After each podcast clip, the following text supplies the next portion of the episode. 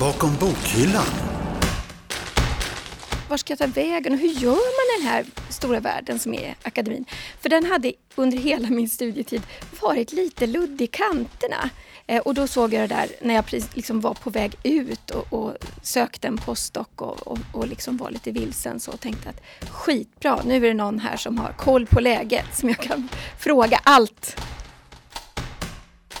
Nej, jag tror mer att det är att lyssna in och sen som mentor, alltså man har ju inte det ansvar kanske som en handledare har eller som en chef har i sitt ledarskap, utan det är ju mer att man stöttar mer och att motivera eller se någon slags potential i den personen man är mentor för och de idéer som den personen lägger fram.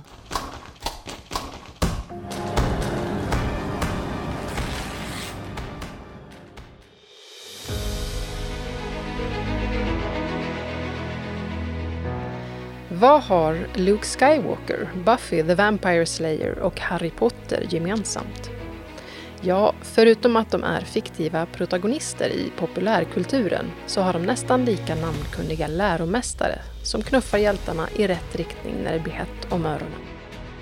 Mentorsrollen som Yoda, Giles och Dumbledore har utgår från ett urgammalt tankesätt Nämligen att de äldre med sin vishet och erfarenheter har något att erbjuda den yngre generationen. Och den akademiska världen kan faktiskt vara lika svårnavigerad och skrämmande som en galax långt, långt borta. Och då kan det vara skönt att ha någon att fråga om vägen. I det här avsnittet av Bakom bokhyllan kommer ni att få möta två personer som deltagit i ett mentorsprogram inom det humanvetenskapliga området här på Stockholms universitet. Ett mentorsprogram som får ny premiär nu i höst. Det innebär att unga forskare möter seniora forskare under ett antal träffar och pratar om, ja, vadå? Det ska vi grotta ner oss i tillsammans med Britta Zetterström Geschwind som deltog när hon var relativt nydisputerad etnolog. Hennes mentor var Laura Alvarez Lopez, professor i portugisiska här på Stockholms universitet. Ni kommer att få ta del av bådas perspektiv och vi börjar hos Britta.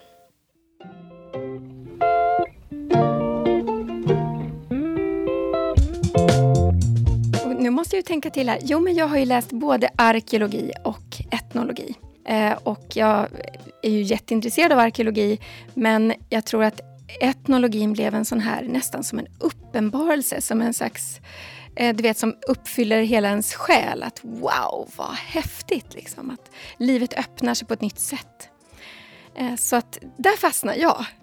Nu ska vi prata lite om, om mentorsprogrammet. Eh, och eh, när du fick nys om det, var befann du dig då i din akademiska karriär? om man säger så? Ja, eh, jag hade ju disputerat och det är ju en fantastisk grej att göra.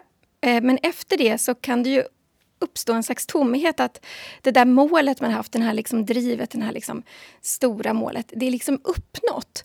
Eh, och jag jobbade som, eh, som lektor och undervisade jätte, jättemycket.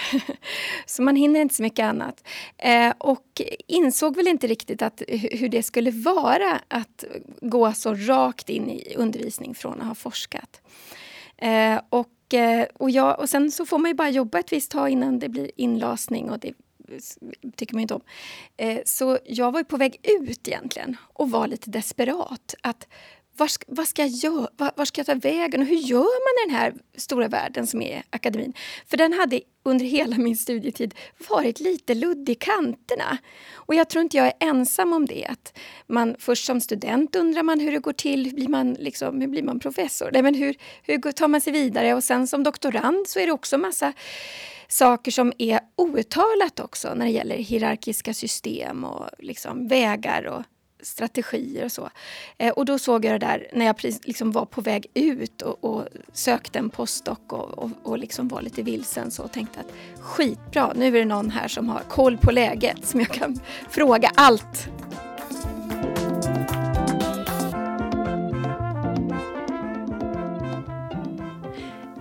Ett av kriterierna för matchningen av mentor och mentand är att de ska vara från olika institutioner och ännu hellre från olika fakultet.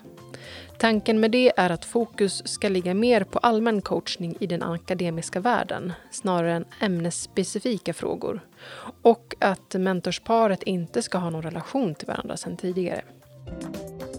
En annan faktor är så kallad akademisk ålder. Det vill säga att man varken ska ligga för nära eller för långt ifrån varandra i karriären. Vad hade du liksom för förväntningar då på, på den här mentor och mentant-relationen? Nej, alltså förväntningarna var ju egentligen att få lite, lite ramar och se, alltså få en slags perspektiv på vad, hur, vad är det här för värld? Alltså det är ju lite just det där att det är som en dimma lite. Hur, hur gör man karriär helt enkelt? Vad, vad finns det? Hur kan man göra? Eh, men jag skulle säga att det, var, det infriades eh, men det var också mycket roligare än vi hade trott. Eh, därför att det, just det här att träffa någon från ett helt annat ämne också. Eh, och hon jobbar väldigt internationellt och så. Eh, öppnade lite perspektiven. För varje institution och varje ämne har ju sina traditioner, sitt sätt att tänka, eh, sina karriärvägar kanske man kan säga också som så. Men, men att prata med någon från ett annat ämne med andra erfarenheter eh, liksom, det, det var ju jättekul för att man, ja, men man kan göra så jäkla mycket mer än vad man tror. Eh, men framförallt också det här att tänka strategiskt. För det ska vi inte komma ifrån att universitetsvärlden, där det är väldigt osäkra arbetsvillkor. Eh, och det är ofta ganska oklart eh, när man kommer till en ny arbetsplats. Hur funkar det och, och, hur ska man liksom... Och det är också det här med man vill ju både vara lojal mot sin arbetsplats men man vill också ha tid att skriva och göra sina grejer så att man skapar sina kontaktnät och når ut vidare så att man blir forskare. För man behöver faktiskt tänka på sig själv också. Eh, och ofta vill man ju vara så himla mycket till lags och vara så duktig hela tiden. Men det, det var ett av de råden som jag, eller det jag plockade upp i alla fall var ju det här, just det här att liksom tänka vart vill du ta vägen? Vilka vill du vara kompis med? Och man behöver inte vara så hämmad för det första. Eh, men också att, att man kanske inte heller alltid behöver vara så himla snäll och lojal. Alltså det, det sa inte hon, men, men, det kanske var min tolkning av det. Att, att eh, ha lite mer målsättning, att tänka liksom vart vill jag ta vägen sen och, eh, och så. Bakom bokhyllan. Allt utom boktips. Hur var det att matchas ihop med någon som du inte har träffat förut? Det var jättekul. Det var ju jättespännande att få träffa en, en forskare som är väldigt me, välmeriterad och har gjort en massa spännande saker. Det var lite pirrigt såklart. Men åh, vem är det här? Eh, nej, men det var jättekul. Och sen så blev ju, vi hade ju väldigt jag upplevde vi som hade väldigt roligt och vi fortsatte också prata. Eh, man kan ju tänka sig, visst det är bra att prata karriärplanering och vad finns det för vägar och hur, ser det, hur gör man karriär eh, rent praktiskt. Men sen handlar det också om andra saker som är mer informella som jag tycker är ännu viktigare att få prata om. Att vara kvinna i akademin till exempel. Eh, vad betyder det? Eller eh, kanske lite orättvisor som finns som man borde veta eller dolda system eller, eller sånt där, erfarenheter av sånt också kanske. Att man kan få eh, ventilera sånt som, som handlar också mer om den sociala aspekten av att vara forskare. Otrygga arbetsvillkor till exempel och eh, stress. Sådana saker. Det var också bra att få prata med någon som har lyckats då om man vill använda det begreppet. Då. Men hur såg era träffar ut? Hur träffades ni? Vi såg nog till att ha det lite mysigt och trevligt. Vi käkade lunch eh, länge, länge och drack eh, kaffe och eh, så. Eh, så vi gjorde det liksom en, i en mysig inramning. Vi satt inte på ett stelt kontor utan, utan vi gjorde små luncher och hade du liksom förberett frågor innan du kom dit eller tog du det lite mer på volley?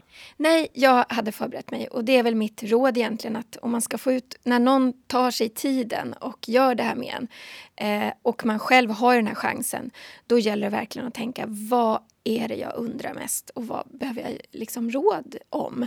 Så jag hade förberett frågor och jag tror till och med att jag hade skickat dem till henne innan faktiskt. Så det var ju bra och ett bra råd framöver för den som vill göra det här, tänker jag.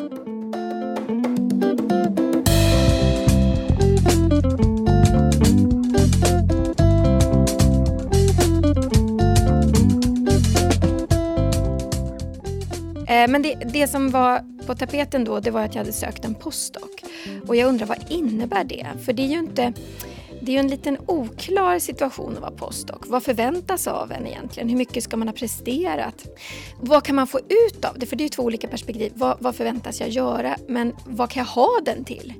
Varför har man en postdoc? Vad, är, vad, är liksom, vad finns det för möjligheter med det? Eh, och då fick jag väldigt bra svar. Hon berättade om sina postdoc och sin, sina erfarenheter av det. Eh, och kanske tänka att det här är en jättebra chans att eh, Eh, skapa kontakter, att tänka vilken slags forskare man vill vara. För det, eh, vilka man vill vara kompis med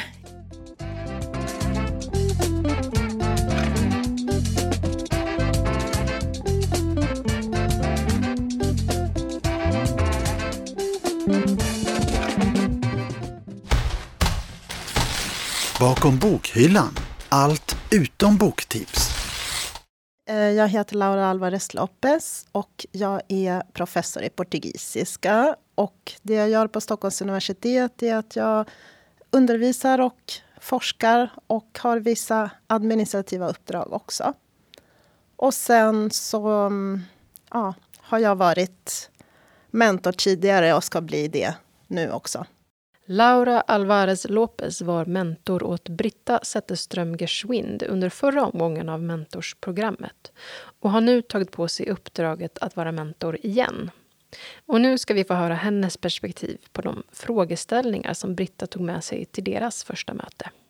Första gången var det mer att vi skulle veta vilka vi var lite grann och bakgrund Um, och sen så var det ju en hel del om de val som hon som, som nydisputerad eller relativt nydisputerad forskare stod inför. Um, och ja, hur gör man? Ska man ta ett vikariat här? Ska man börja på sin postdoc nu eller ska man skjuta fram det lite? Olika vägval som man måste göra och lite kanske karriärsval, men också såna strategiska val för sitt liv. Ska man pendla till Lund? Vilka dagar ska man välja? Har du pendlat någon gång förut? Eh, ja, mycket sådana saker. Och sen var det det här med att vad ska man kunna söka för eh, olika stipendier som humanist? Hur lägger man upp det? Vet du om man får pengar för resor när man är post? Och kanske sådana Eh, mycket praktiska saker som, som hör till den akademiska världen som man kanske inte är så bekant med för att som doktorand så har man ju haft en typ av tjänst och med den tjänsten vissa villkor som gäller på den institution där man är. Men som postdoc så är det ju en annan position och i, på ett annat lärosäte eller andra institutioner så kanske det är andra saker som gäller. Och vem frågar man om det? Och hur kan man förhandla om olika saker? Och vem vänder man sig till? Och så. Och att vara mentor är ju ett ansvarstagande där du förväntas leda mentanden men också att lyssna in den här personen som har mindre erfarenhet än du. Eh, som kanske är i behov av både bekräftelse och att bli utmanad i sina tankar. Hur skapar man balans, rätt balans där mellan att liksom leda och ta in vad mentanden har för behov, så att säga. Reflekterade du kring de frågorna? Nej, jag tror mer att det är att lyssna in och sen som mentor, alltså man har ju inte det ansvar kanske som en handledare har eller som en chef har i sitt ledarskap, utan det är ju mer att man kan ge sin bild på Eh, om man har varit i någon liknande situation, om man har liknande erfarenheter, om hur man, skulle, hur man själv skulle tänka eh, i en sån situation, vad man skulle väga för och emot inför ett val och, och sådana saker. Att stötta mer och att um, motivera eller se någon slags potential i den personen man är mentor för och visa för den vilken potential som, som den personen har eller de idéer som den personen lägger fram kan ha i ett sammanhang. Förberedde du dig på något sätt inför era möten? Alltså vid varje tillfälle och sådär?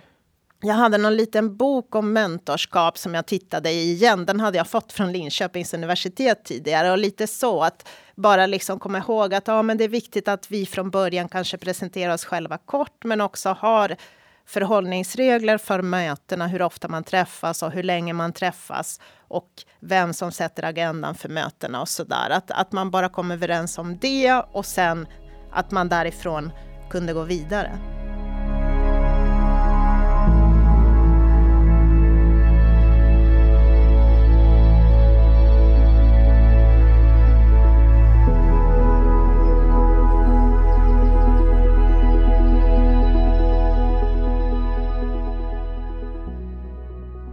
Och vad fick du ut av era möten?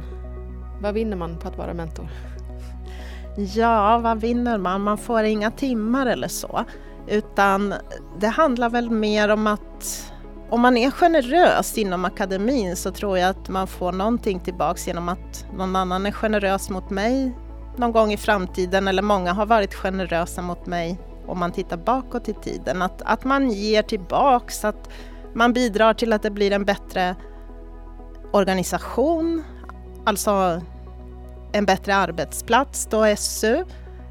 Eh, man får träffa nya personer som man kanske inte skulle ha träffat annars. Det är kul att se vad unga forskare har för utmaningar idag också. Och jag tror att jag har sagt det tidigare, att man kan ta tillbaka sådana erfarenheter till sin institution, likadant som jag kan dela med mig av mina erfarenheter till någon som jag är mentor för, så kan jag sen, om jag är studierektor eh, på, för utbildning på forskarnivå på min institution, berätta om en, eh, en, en ung forskare disputerad i etnologi som, som fick ett sånt stipendium och sånt finns att söka eller som gjorde på det här viset och det var ju fantastiskt. Så att um, ja, det är vad man får tillbaks på något sätt, en, en erfarenhet och ett möte med en ny människa. Har du något råd till nya mentorer och mentander som ska in i det nya programmet som startar nu? Jo, det som jag har kanske tänkt på är att det är bra att komma till eh, ett sådant program och tänka att det blir ju inte mer än vad man gör av det själv.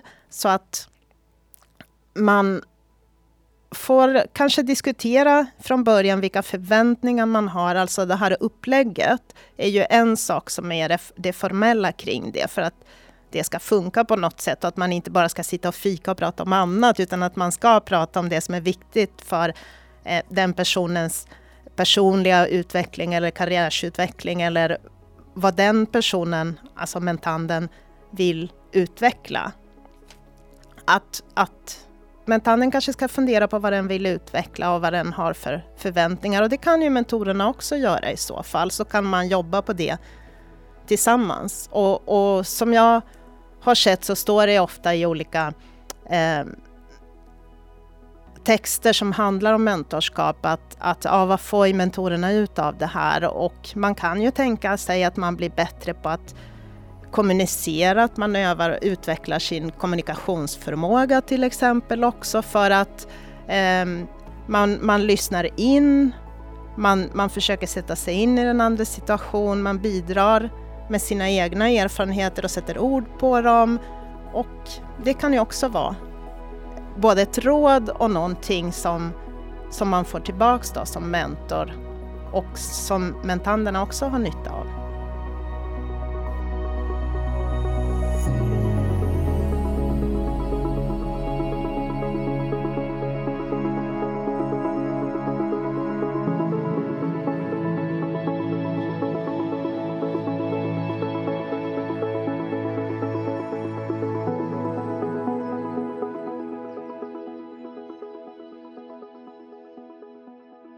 Ni kommer strax att få höra vad Lauras mentorskap har betytt för Brittas personliga utveckling. Men det är det sista som sägs i det här avsnittet av Bakom bokhyllan. Podden görs av oss på Stockholms universitetsbibliotek och jag som har gjort det här avsnittet heter Cecilia Burman. Och lyssna gärna på våra tidigare avsnitt som är riktade till studenter och akademiker. Vi har samlat våra avsnitt i olika teman på vår hemsida su.se bakom bokhyllan. Där hittar du teman som studieliv och pluggtips, forskningens förutsättningar och vetenskapen i det dagliga livet. Där finns också information om musiken som vi har spelat i det här avsnittet. Hej så länge och varsågod Britta. Jag tror att jag gick in i min eh, roll eh, som postdoc lite, lite tryggare och lite mer målmedveten kanske. Eh, att, eh, att jag gjorde, jag gjorde liksom en, lite av en plan att nu ska jag försöka uppnå det här. Sen kom ju corona då. men det är ju en annan historia. Eh, men, eh, nej, men så det, jag tog liksom med mig det och kände mig lite starkare och lite, lite kaxigare kanske.